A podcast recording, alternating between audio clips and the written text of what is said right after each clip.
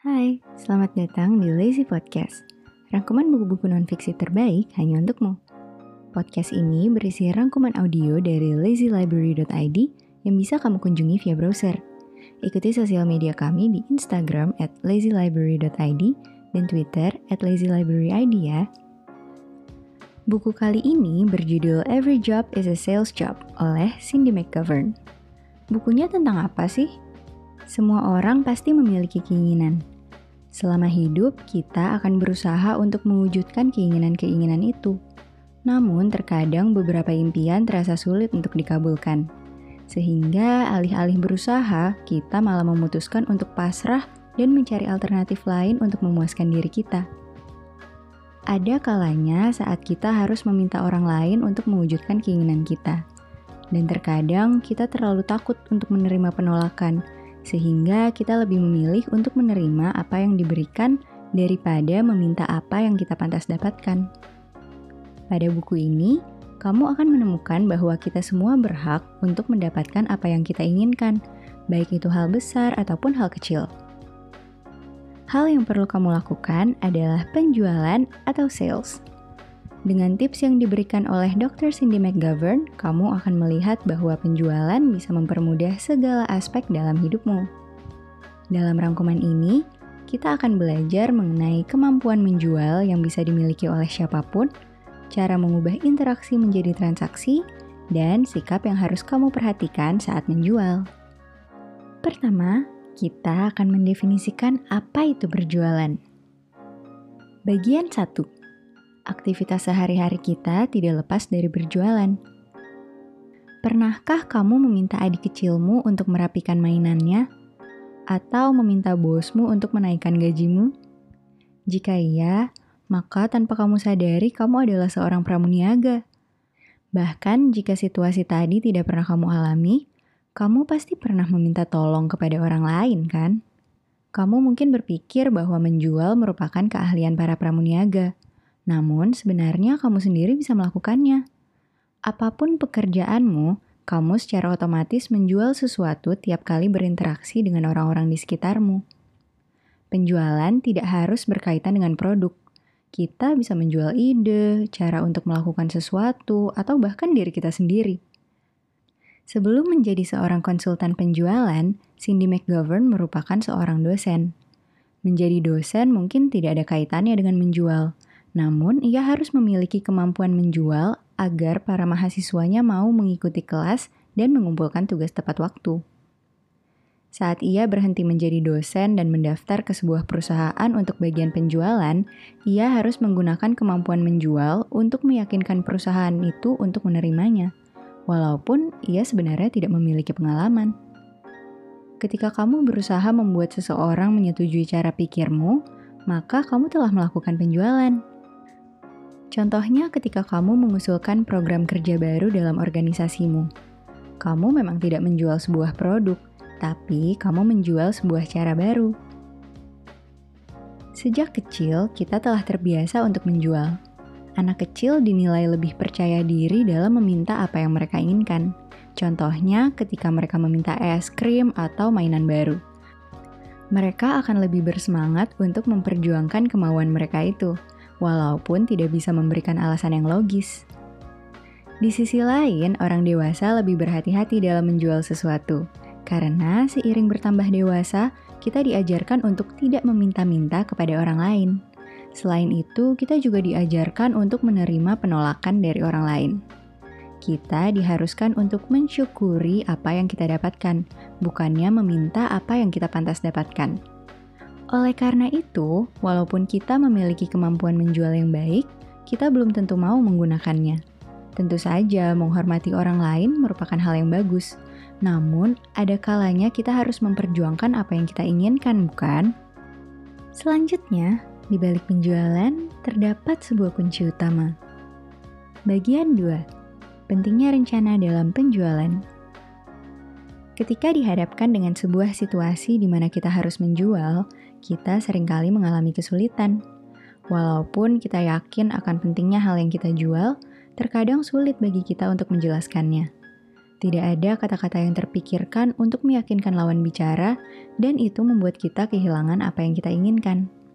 Hal tersebut dapat dicegah jika kita memiliki rencana.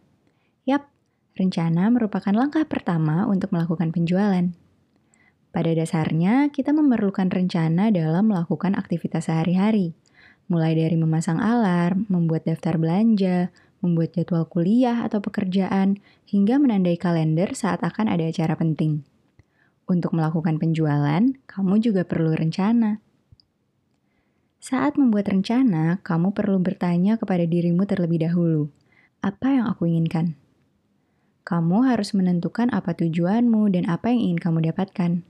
Dengan menentukan apa yang kamu inginkan, kamu bisa membagi prioritas dan menentukan langkah apa saja yang perlu dilakukan. Jika kamu tidak bisa menentukan apa yang kamu inginkan, bagaimana kamu bisa mendapatkannya? Pertanyaan kedua yang akan membantumu adalah siapa yang dapat membantu. Kamu harus mengetahui siapa yang memiliki kemampuan atau wewenang untuk mewujudkan keinginanmu. Banyak orang gagal mendapatkan apa yang mereka inginkan bukan karena mereka tidak berusaha, tapi karena mereka meminta kepada orang yang sebenarnya tidak bisa membantu. Contohnya, jika kamu ingin mengembalikan sepatu yang baru saja kamu beli, sementara batas waktu pengembalian sudah lewat. Kamu tidak akan bisa mengembalikannya jika kamu terus meminta kepada staf di toko sepatu itu, karena mereka tidak berwenang untuk melakukannya. Mintalah pengembalian kepada manajer toko karena ia yang memiliki wewenang. Penting bagi kita untuk mengetahui siapa yang bisa mewujudkan keinginan kita. Oleh karena itu, identifikasilah peran setiap orang dan mintalah bantuan kepada orang yang tepat. Setelah membuat rencana, apa yang harus dilakukan? Bagian 3. Bersosialisasi dan berjualan merupakan kegiatan yang serupa. Setelah membuat rencana, langkah selanjutnya adalah mencari kesempatan untuk melakukan penjualan. Salah satu waktu yang tepat untuk melakukan penjualan adalah saat kita berkesempatan untuk berinteraksi dengan orang banyak. Untuk mendapatkan kesempatan tersebut, kamu bisa pergi ke sebuah acara atau kegiatan yang sesuai dengan tujuan penjualanmu. Contohnya, jika kamu ingin dipromosikan jabatannya, maka datanglah ke acara-acara kantor dan berinteraksilah dengan orang-orang yang berpengaruh. Walaupun kamu tidak kenal mereka, kamu tetap perlu mencobanya. Setelah kamu ada di acara tersebut, bersenang-senanglah. Buat dirimu senang atau setidaknya terlihat senang. Karena orang lain cenderung akan menyetujui permintaanmu ketika kamu sedang tersenyum. Selanjutnya, cobalah untuk berbicara kepada orang lain. Mungkin kamu merasa canggung dan lebih memilih untuk berbicara ketika ada yang mengajakmu. Namun, sebenarnya orang lain juga merasakan hal yang sama. Bukalah pembicaraan dengan orang lain, dan kamu akan melihat banyaknya orang yang menghargai inisiatif itu. Bagaimanapun juga, kamu harus menghindari topik yang sensitif. Topik yang terkait dengan politik, seks, dan agama sangat tidak dianjurkan dalam proses membangun hubungan dengan orang lain – bicarakanlah topik yang lebih sederhana dan tidak personal, seperti pekerjaan, liburan, atau film dan musik. Lalu, cobalah untuk peka dengan hal-hal implisit yang dikatakan oleh lawan bicara. Contohnya, ketika ia menyinggung soal karyawannya yang akan cuti hamil, mungkin saja ia sedang mencari penggantinya untuk sementara, dan kamu bisa menawarkan dirimu untuk itu. Jika kamu tidak merasa nyaman untuk menjual kemampuanmu saat itu juga, kamu bisa mengajak mereka untuk bertemu kembali, atau setidaknya saling berhubungan. Pertemuan kembali merupakan hal yang penting untuk menjual lebih banyak lagi dari dirimu. Terakhir, akhirilah percakapanmu dengan cara yang sopan. Siapkanlah kata-kata yang sekiranya sopan dan ramah untuk mengakhiri percakapan, sehingga ketika kamu ingin berhenti, kamu tetap meninggalkan kesan yang positif. Ini semua sangat penting untuk mendapatkan kepercayaan yang akan kita bahas di bagian selanjutnya. Bagian 4. Buatlah mereka percaya denganmu. Apa yang perlu kita lakukan untuk mendengarkan orang lain? Banyak orang berpikir bahwa untuk mendengarkan, kita hanya perlu diam dan membiarkannya bicara. Tapi pada kenyataannya, mendengarkan lebih dari sekedar hal itu. Terkadang kita merasa sedang mendengarkan lawan bicara, walaupun di sisi lain kita sibuk dengan handphone atau memikirkan hal lain.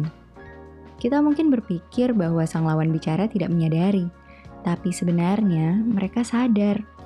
Untuk melancarkan penjualan, kamu harus fokus dengan lawan bicara dan mencegah apa pun yang bisa membuat fokusmu teralihkan, karena kamu perlu mendapatkan kepercayaan penuh dari lawan bicaramu. Kepercayaan memiliki peran yang sangat penting dalam penjualan. Orang lain akan membeli apa yang kamu jual jika mereka percaya denganmu. Mereka akan berpikir bahwa apa yang kamu jual benar-benar sesuai dengan kebutuhannya. Oleh karena itu, kamu harus menunjukkan kepedulian terhadap apa yang mereka butuhkan. Untuk melakukannya, tentu saja kamu perlu mendengarkan mereka baik-baik Hal lain yang tidak kalah penting untuk melakukan penjualan adalah memilih waktu yang tepat. Jangan meminta atau menawarkan sesuatu ketika orang lain tengah menghadapi masalah yang lebih serius. Contohnya, kamu tidak bisa meminta kenaikan gaji saat bosmu sedang melewati hari yang sulit, karena itu akan membuatmu terlihat acuh tak acuh dengan kebutuhannya dan akan menghilangkan kepercayaannya padamu. Selain itu, kamu juga akan menambah beban pikirannya sehingga ia akan merasa terganggu. Untuk menemukan waktu yang tepat, perlu usaha yang kuat. Salah satu teman dari penulis pernah bertemu dengan seorang investor untuk menawarkan investasi bisnisnya. Namun, sang investor datang dengan keadaan mabuk berat. Teman penulis itu lalu memutuskan untuk mengatur ulang jadwal pertemuan saat kondisi sang investor sudah lebih baik. Dengan melakukan hal tersebut, ia telah melancarkan proses penjualannya karena ia memastikan bahwa waktu yang dipilih merupakan waktu yang tepat. Jika waktu itu kurang tepat bagi sang pembeli, maka waktu itu juga kurang tepat bagi sang penjual. Akan tetapi, ada sebuah masalah yang sering kita temui, yaitu cara meminta dalam penjualan. Bagian 5. Untuk mendapatkan apa yang kamu inginkan, kamu harus meminta. Terkadang kita ragu untuk meminta apa yang kita inginkan karena rasa tidak enak atau takut akan penolakan. Namun, jika kita tidak meminta, kita tidak akan pernah mendapatkan apa yang kita inginkan. Penulis buku pernah bekerja dengan seorang desainer grafis berbakat yang bernama Samuel. Walaupun berbakat, ia memiliki gaji yang lebih rendah dari desainer-desainer lainnya di perusahaan itu. Alasan sederhananya adalah ia tidak pernah meminta kenaikan gaji dan hanya berharap kemampuannya yang hebat bisa memberikannya gaji lebih. Sayangnya, hal seperti itu tidak terjadi di perusahaan. Atasanmu tidak akan memberikanmu kenaikan gaji secara cuma-cuma, sehingga kamu harus memintanya. Kamu tidak seharusnya takut atau merasa tidak enak karena telah membuat orang lain tidak nyaman atau membuang waktu mereka, karena kamu pantas mendapatkan itu. Jika kamu sulit menghilangkan rasa takut itu, pikirkanlah bahwa orang yang kamu mintai tolong mungkin juga merasa tidak enak untuk menolak tawaranmu. Riset menunjukkan bahwa pada dasarnya orang akan berusaha sebisa mungkin untuk memenuhi permintaan yang diajukan kepadanya. Apakah kamu masih takut juga? Jika iya, maka tanyalah kepada dirimu sendiri, apa yang akan aku dapatkan jika aku mendapatkan apa yang aku inginkan? Dan apa yang akan terjadi jika aku tidak mendapatkannya. Dalam kasus Samuel tadi, ia mungkin akan mendapatkan kenaikan gaji, dan jika tidak, maka ia hanya harus bekerja dengan seperti biasa. Kemungkinan terburuk dari permintaan itu adalah Samuel harus mencari pekerjaan baru dengan gaji yang jumlahnya lebih pantas. Kemungkinan terburuk ini juga perlu kamu pikirkan, sehingga jika hal yang buruk terjadi, kamu sudah siap dan bisa menanganinya dengan cara yang sopan dan lancar. Agar penjualanmu sustainable, bagian selanjutnya akan mengungkapkan kuncinya. Bagian 6. Ketika menjual kepada seseorang, bangunlah hubungan jangka panjang dengan orang itu. Saat kamu sudah mendapatkan apa yang kamu inginkan, seperti kenaikan gaji atau bisnis baru, apakah proses penjualan ini sudah selesai? Jawabannya adalah tidak. Setelah orang yang bersangkutan menyetujui permintaanmu, langkah selanjutnya adalah follow up atau tindak lanjut. Pertama, kamu perlu menunjukkan rasa terima kasih kepada mereka. Kamu bisa mengatakannya langsung, menulis surat, atau mengirim hadiah kecil ke kantornya. Selain merasa diapresiasi, hal ini juga menunjukkan kepadanya bahwa ia adalah orang yang penting di balik kesuksesanmu. Kamu juga bisa menawarkan bantuan kembali kepadanya. Misalnya, jika ia telah mempromosikan bisnismu, maka kamu juga bisa menawarkan untuk mempromosikan bisnisnya juga. Pilihlah cara yang menurutmu paling baik untuk berterima kasih, karena hal itu sangatlah penting. Hal yang tidak boleh kamu lakukan adalah melakukan penjualan dan berhenti berkomunikasi dengannya setelah mendapatkan apa yang kamu inginkan. Itu dapat membuat orang lain merasa dimanfaatkan dan menilai kamu sebagai seseorang yang hanya datang kalau butuh sesuatu. Sikap seperti ini dapat memberikan dampak negatif bagi dirimu. Akan sulit bagimu untuk melakukan penjualan kepada orang tersebut lagi, dan kamu tidak akan tahu kapan kamu membutuhkannya. Jika seseorang menyetujui permintaanmu, maka kemungkinan besar ia akan menyetujui permintaanmu lagi di masa depan karena ia sudah percaya padamu. Jika kamu menghilang dan memutuskan komunikasi setelah melakukan penjualan, kamu akan kehilangan banyak hubungan kerja dan suatu saat kamu hanya akan bisa melakukan penjualan kepada orang yang tidak dikenal. Percayalah, menjual kepada orang yang tidak kamu kenal jauh lebih sulit dan canggung daripada kepada orang yang sudah kamu kenal baik. Jadi, jika kamu mendapatkan keinginanmu, tetaplah jaga hubungan baik. Pada dasarnya, tidak ada orang yang bisa berhasil sendirian, sehingga kita harus terus menghargai keberadaan orang lain yang menolong kita. Terima kasih sudah mendengarkan rangkuman Every Job is a Sales Job. Dalam rangkuman ini, kamu sudah mempelajari bahwa untuk mendapatkan apa yang kamu inginkan, kamu harus memintanya. Dengan berlatih menjual, kamu akan lebih percaya diri dan bisa mendorong orang lain untuk percaya kepadamu, sehingga kamu akan mendapatkan apa yang kamu inginkan. Kesempatan tidak akan datang begitu saja, kamu harus mencari dan memanfaatkannya. Kamu harus merencanakan tujuanmu, meminta kepada orang yang tepat, bertanya dengan cara yang tepat, dan menyiapkan skenario terburuk. Jangan lupa untuk tetap menjaga hubungan baik dengan orang yang telah membantumu. Petikan ilmunya, apa pun yang terjadi, tetaplah bersikap sopan. Ketahuilah bahwa semua orang memiliki alasan, dan terkadang kamu tidak bisa memahaminya karena kamu tidak berada di posisi mereka. Sehingga jika kamu dihadapkan dengan penolakan, anggaplah itu sebagai rintangan yang bisa kamu hadapi. Tetaplah tenang dan yakinkan lawan bicaramu bahwa kamu dapat dipercaya. Jika kamu bersikap kasar, kesempatanmu untuk mengubah tidak menjadi iya akan semakin menipis. Capai diri terbaikmu dengan rangkuman non-fiksi terbaik dari kami. Ikuti kami di Instagram at lazylibrary.id dan Twitter at lazylibraryid. Serta jangan lupa untuk share rangkuman ini ke orang-orang terdekatmu ya. Dah.